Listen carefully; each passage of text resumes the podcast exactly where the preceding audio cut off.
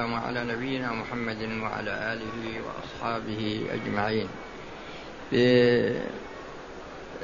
الفرق الذي وقفنا عليه الفرق الثامن والعشرون بين قاعدة العرف القولي يقضى به على الألفاظ ويخصصها. وبين قاعدة العرف الفعلي لا يقضى به على الألفاظ ولا يخصصها. موضوع العرف فيه كتابات كثيرة يعني فيه رسائل وأحسن رسالة هي اسمها العرف وأثره. يعني يمكن تأتي في حدود ألف صفحة يعني خمسمائة ورقة. أنا ما ما أحفظ اسم المؤلف. وفي كتاب كتابات أيضا كتابة العادة محكمة. وفي كتاب العرف والعادة المقصود أن فيه كتب مؤلفة في الموضوع. ما هو في هذه المسألة؟ لأن هذا الفرق جزء من أصل الموضوع. والقرافي رحمه الله يريد أن يبين أن آه، العرف القولي في استعمال الناس. ما هو في استعمال القرآن؟ لا في استعمال الناس وقد يأتي في استعمال القرآن لكن هو أساسا أتى به من ناحية استعمال الناس ولا قد يوجد في القرآن وأنا أنبهكم عليه بعد قليل. وهكذا بالنظر للعرف الفعلي. أو العرف إيه العرف الفعلي. آه، اللفظ تجدون إنه وسيلة. يعني الألفاظ تجدونها وسائل لأداء المعاني. والمعاني هي المقصودة. فالوفظ وسيلة للمعنى الذي اشتمل عليه بحسب قصد المتكلم به. هذا هو الأساس. وبناء على ذلك ففيه لفظ لغوي. لفظ لغوي. وفيه لفظ شرعي. وفيه لفظ عادي. وقصدي بكلمة عادي هذا اللي في استعمال الناس أو في المصطلحات مثل مصطلحات النحويين ومصطلحات الأصوليين ومصطلحات المحدثين يعني مصطلحات أرباب العلوم. وفي أيضا استعمال الناس لللفظ المستعمل لللفظ ابتداء مثل أهل اللغة يضعون اللفظ ويريدون به معناه وهذا يعبرون عنه باللفظ اللغوي والاستعمال اللغوي. اللفظ الشرعي هذا تجدون أن الشارع استعمله لمعنى أراده. فإذا كان من القرآن فالله هو الذي أراد المعنى من اللفظ. وإذا كان من السنة فالرسول صلى الله عليه وسلم هو الذي أراد المعنى من اللفظ.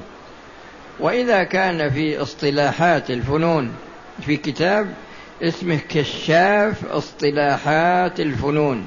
هذا كتابا قيم جدا إذا وجد عند طالب العلم يكون زين. وفيه الألفاظ التي يستعملها الناس يعني الناس يستعملونها. الشخص الجهة يعني لغوية شرعية عادية عندما يضعون اللفظ يستعملونه أو يستعملون ما وضعه أهل اللغة.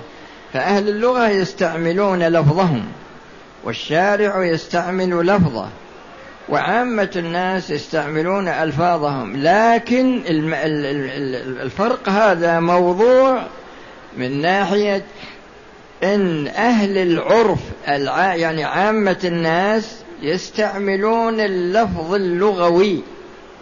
لكن يستعملونه لمعنى وضعوه له وليس لوضع أهل اللغة.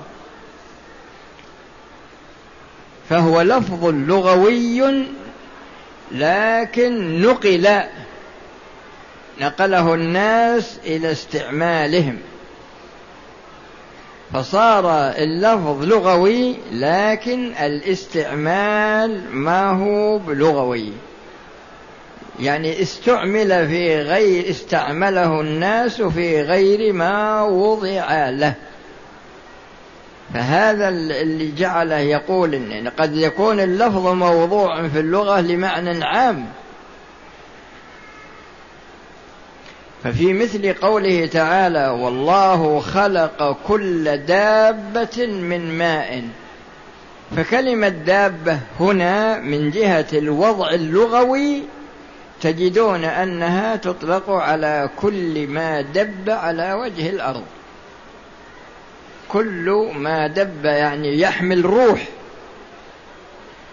كل ما دب على على وجه الأرض من ذوات الأرواح يسمى دابة. في بعض البلدان هذا اللفظ نقلوه من المعنى العام.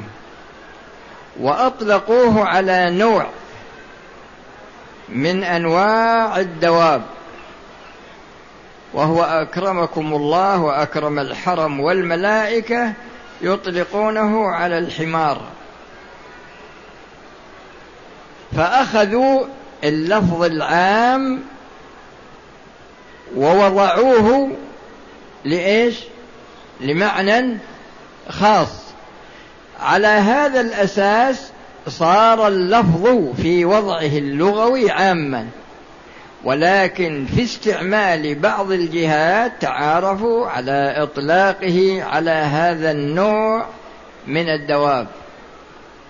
فنقل اللفظ من دلالته العامة إلى دلالته ها تمام إلى دلالته الخاصة. هذا في المفردات. يعني في الألفاظ المفردة ينقلون لفظ مفرد من وضعه اللغوي العام ويستعملونه في فرد من أفراده. يصطلحون عليه وإذا أطلق فهموا منه المعنى الاستعمالي العرفي وليس المعنى الإيش؟ تمام وليس المعنى العام. في ناحية ثانية يعني هذا في المفردات ويأتي أيضا في المركبات. يعني المركب يعني في الجملة الفعلية مثلا. ففي مثل قوله تعالى حرمت عليكم أمهاتكم وبناتكم. يعني جميع الأفعال التي أضيفت إلى الذوات. وكان الأصل أن أن تضاف إلى الأفعال التي أعدت لها هذه الذوات. فقوله تعالى حرمت عليكم أمهاتكم يعني هل نقول حرم عليكم النظر إلى أمهاتكم حرم عليكم السلام حرم عليكم لا. نقول حرم عليكم وطء أمهاتكم لأن المرأة معدة لهذا الشيء. هذا هو الغرض الأساسي. حرمت عليكم الميتة. نقول حرم عليكم مس الميتة ولا حرم عليكم النظر إلى الميتة وإلا نقول حرم عليكم أكل أكل الميتة. وهكذا جميع ما تجدونه في القرآن أو تجدونه في السنة مثل إن دماءكم إن دماءكم وأموالكم يعني نفس الدم ما هو هو اللي اسمه هذا مضاف إلى الذات. لكن يعني قصد من هنا حرم عليكم القتل قتل. وكذلك أكل أموالكم وحرم يعني إن أم إن دماءكم وأموالكم يعني أكل أموالكم يعني يعني كونكم تأكل يعني يأكل بعضكم أموال بعض بغير طريق شرعي. إن دماءكم وأموالكم وأعراضكم عليكم حرام. فالأفعال عندما تضاف إلى الذوات تتكون من جملة مثل جملة فعلية. تجد أن في الأصل الفعل مضاف إلى ما أضيف إلى الذات لكنه مضاف إلى الشيء الذي أعدت له هذه الذات.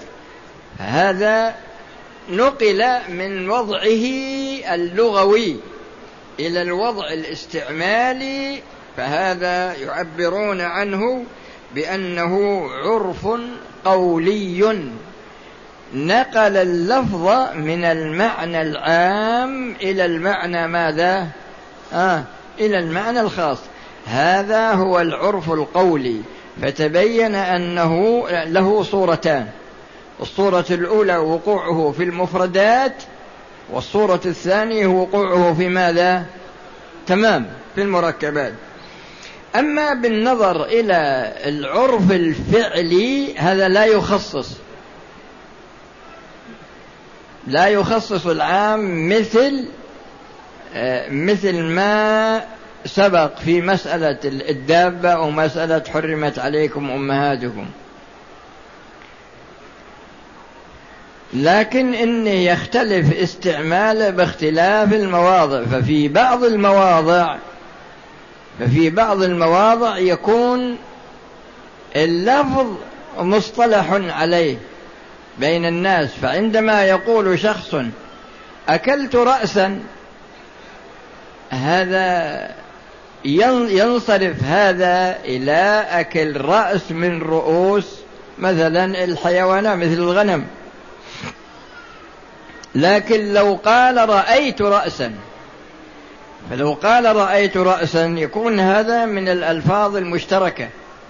يعني صالح صالح مثلا لأن يكون رأس بعير رأس بقرة رأس غنمة رأس المهم أنه وجود رأس.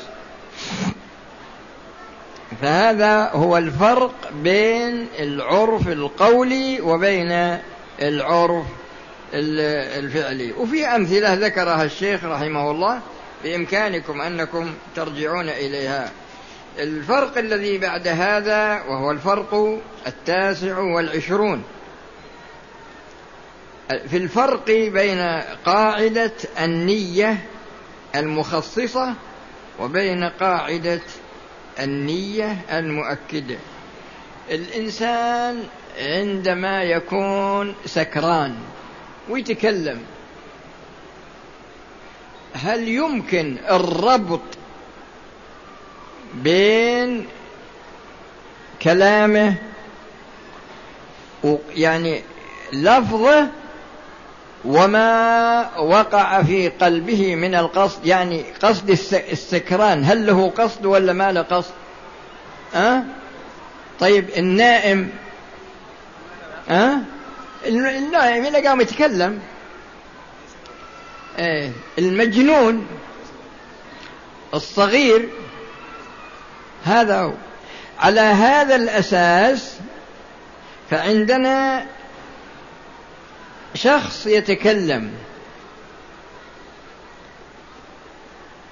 ونريد إن إحنا نربط بين مدلول كلامه وبين قصده. نريد الربط بين كلامه وبين قصده المعنى الذي دل عليه الكلام وبين القصد.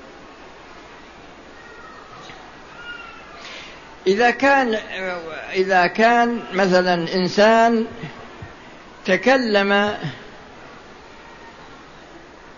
بلفظ عام أتى بلفظ عام عندما يأتي باللفظ العام له أربع حالات. أتى بلفظ عام له أربع حالات. الحالة الأولى اللفظ عام والمعنى عام ويريد يقصد المعنى العام. فعندما يقول يحلف أو ينذر إنه ما يلبس ثوب ويريد يريد جميع الثياب. يعني عنده إضراب عن الثياب. فعندنا لفظ وعندنا معنى عام يعني لفظ عام ومعنى عام وإرادة المعنى العام لو لو لبس ثوب من الثياب هل يحنث ولا ما يحنث؟ أه؟ إيه ما يحنث هذه صورة هذه اجتمع فيها اللفظ والمعنى والقصد تماما ثلاثة أمور الصورة الثانية حلف لا يلبس ثوبا. اللفظ اللفظ عام والمعنى عام لكن ما حصل عنده قصد يعني ما حصل عنده قصد مثل الأول. فالفرق بينه وبين الصورة الأولى أنه ما عنده قصد لكن اللفظ عام والمعنى عام. فهو غفل. عن مسألة لأن النية في الحالة الأولى يسمونها نية مؤكدة. نية مؤكدة. في الحالة الثانية من جهة الحكم هو كالحالة الأولى. أي أنه لو لبس أي ثوب فإنه يحنث. الصورة الثالثة أن يقول لا لبست يحلف إن ما لبس ثوب. وقصد نوع معين قصد نوعا معينا من الثياب. لكن النوع الثاني غفل عنه يعني ما يعني ما نوى إدخاله ولا نوى إخراجه. ما نوى إدخاله ولا نوى إخراجه.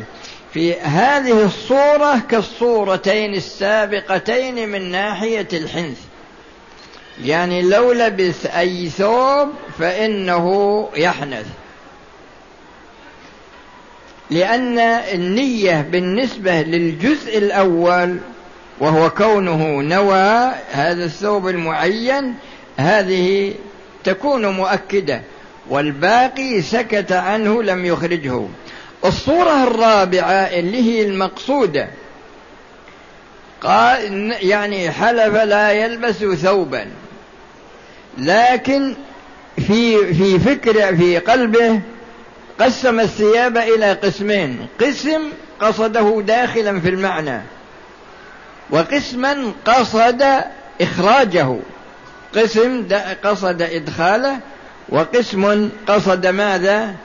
قصد إخراجه.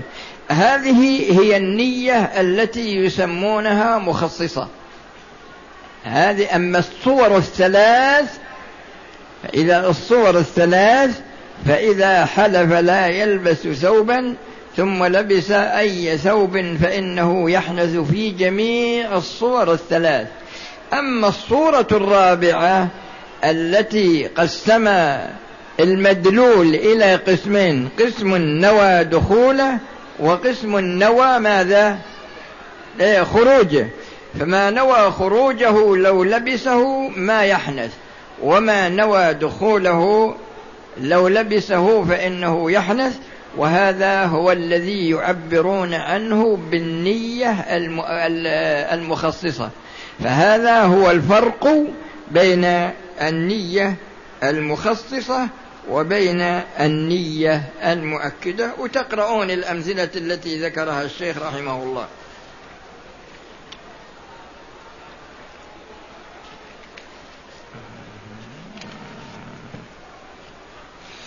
آه، الفرق الثلاثون وهو آخر الدرس.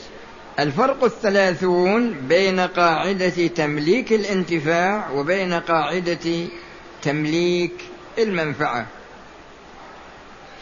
التمليك في الشريعة تجدون إنه تمليك رقبة وتمليك منفعة وتمليك انتفاع. ثلاثة تمليك رقبة وتمليك منفعة وتمليك انتفاع.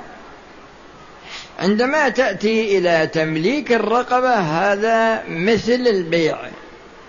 تبيع لك سيارة ولا تبيع لك بيت ولا عمارة ولا يعني تبيعها وتستلم الثمن هذا تمليك رقبة. يعني ملكت هذا الشخص هذه العين من عندك يتصرف فيها كيف شاء. هذا يسمونه تمليك رقبة. لكن تمليك المنفعة مثل ما تؤجر سيارة وإلا تؤجر بيت لكن إنك ما تشترط عليه. إنه ما تشترط عليه إنه ينتفع به هو فقط. يعني تقول أنا أجرتك هذا البيت وتسكت. فهذا تمليك منفعة لكن لو قلت له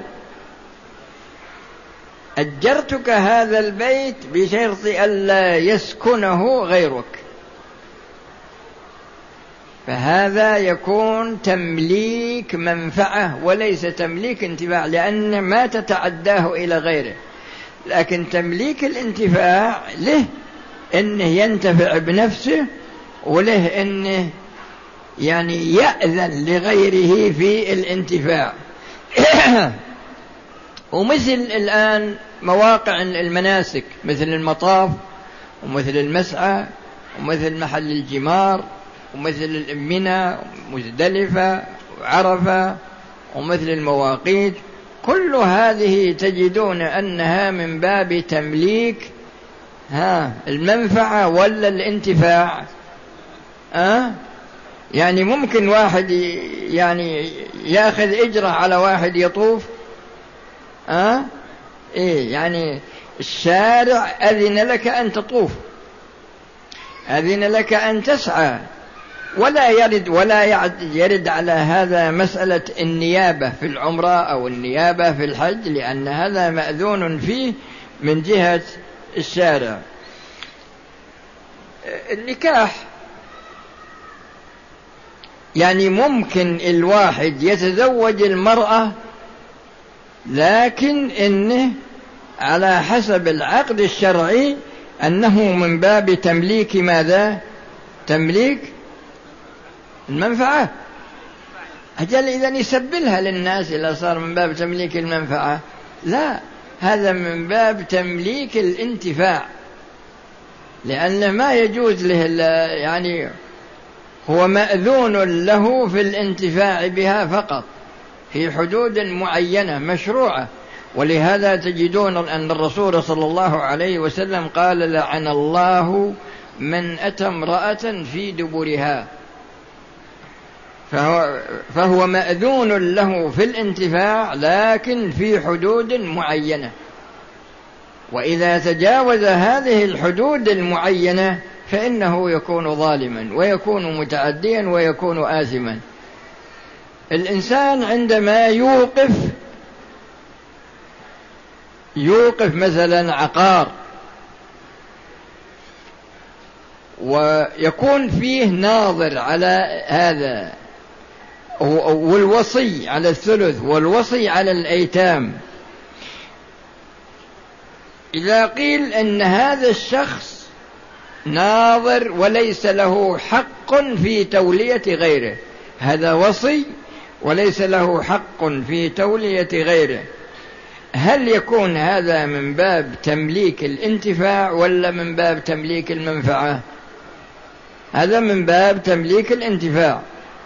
من باب تمليك الانتفاع. وهكذا الوكيل. الوكيل إذا كان وكيلا بغير أجرة فإنه من باب تمليك الانتفاع. المقصود أن الفرق بين تمليك المنفعة وبين تمليك الانتفاع. أن تمليك المنفعة لك أن تنتفع ولك أن تأذن لغيرك أن ينتفع. أما تمليك الانتفاع فإنه مأذون لك في أن تنتفع بنفسك فقط وليس لك الحق في أن تأذن لغيرك في ماذا؟ في آه في الانتفاع.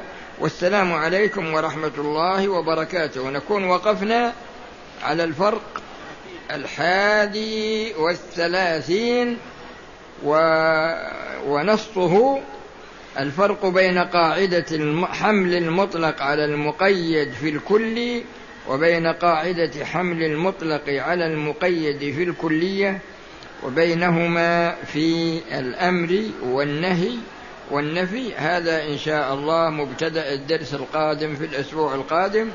والسلام عليكم ورحمة الله وبركاته. في أسئلة؟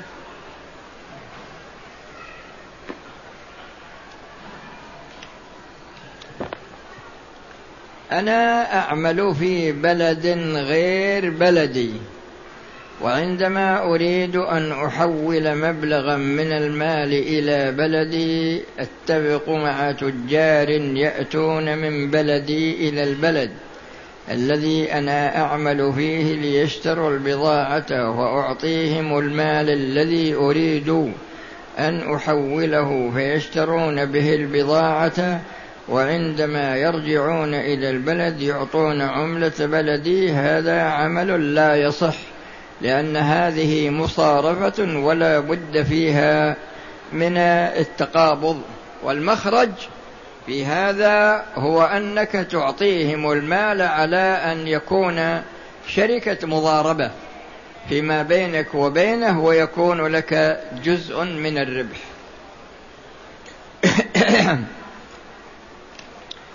وهذا يقول ما حكم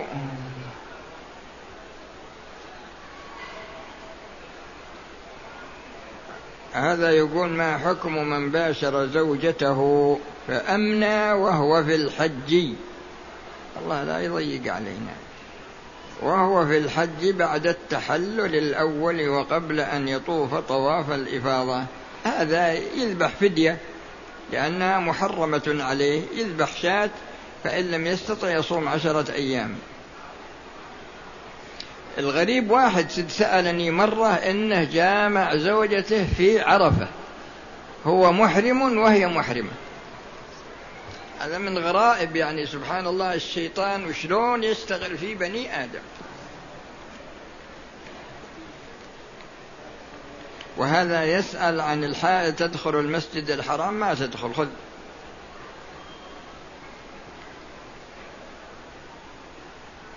وهذا يسأل عن الصف الأول في الحرم المكي. الكعبة لها أربع جهات وكل صف قريب من الكعبة هو صف أول بالنسبة إلى الجهة.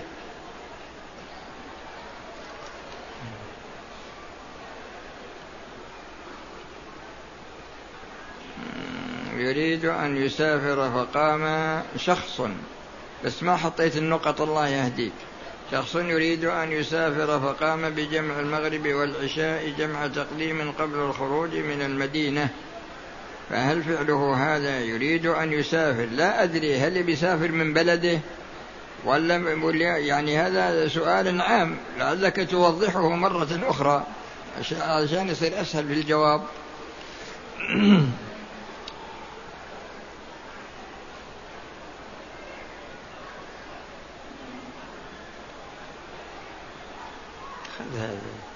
خذ خذ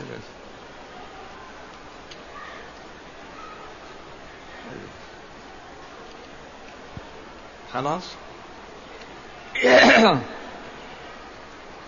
رجل طاف قبل المغرب ثم أذن المغرب ثم صلى ثم حضر دروس من المغرب إلى العشاء ثم سعى. بعد العشاء إذا كان عمل هذا ما عليه شيء إن شاء الله. نعم.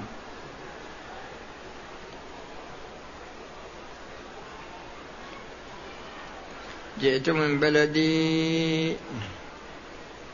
ماكثا عشرة أيام بمكة واعتمرت في اليوم الأول. السؤال ما هو الأفضل؟ أن أخرج في اليوم التاسع مثلا لقضاء عمرة عن أبي؟ والله هذا شيء يرجع إليك. إذا أردت أنك تخرج في اليوم التاسع ولا الثامن ولا أريد أريد مثالا على العزيمة ومثالا على الرخصة. مثال على العزيمة صلاة الظهر في الحرم. ومثال الرخصة المسافر الذي يأتي هنا وله حق الجمع أو القصر يجمع بين الظهر والعصر ويقصر الظهر ويقصر العصر. هذه هي الرخصة.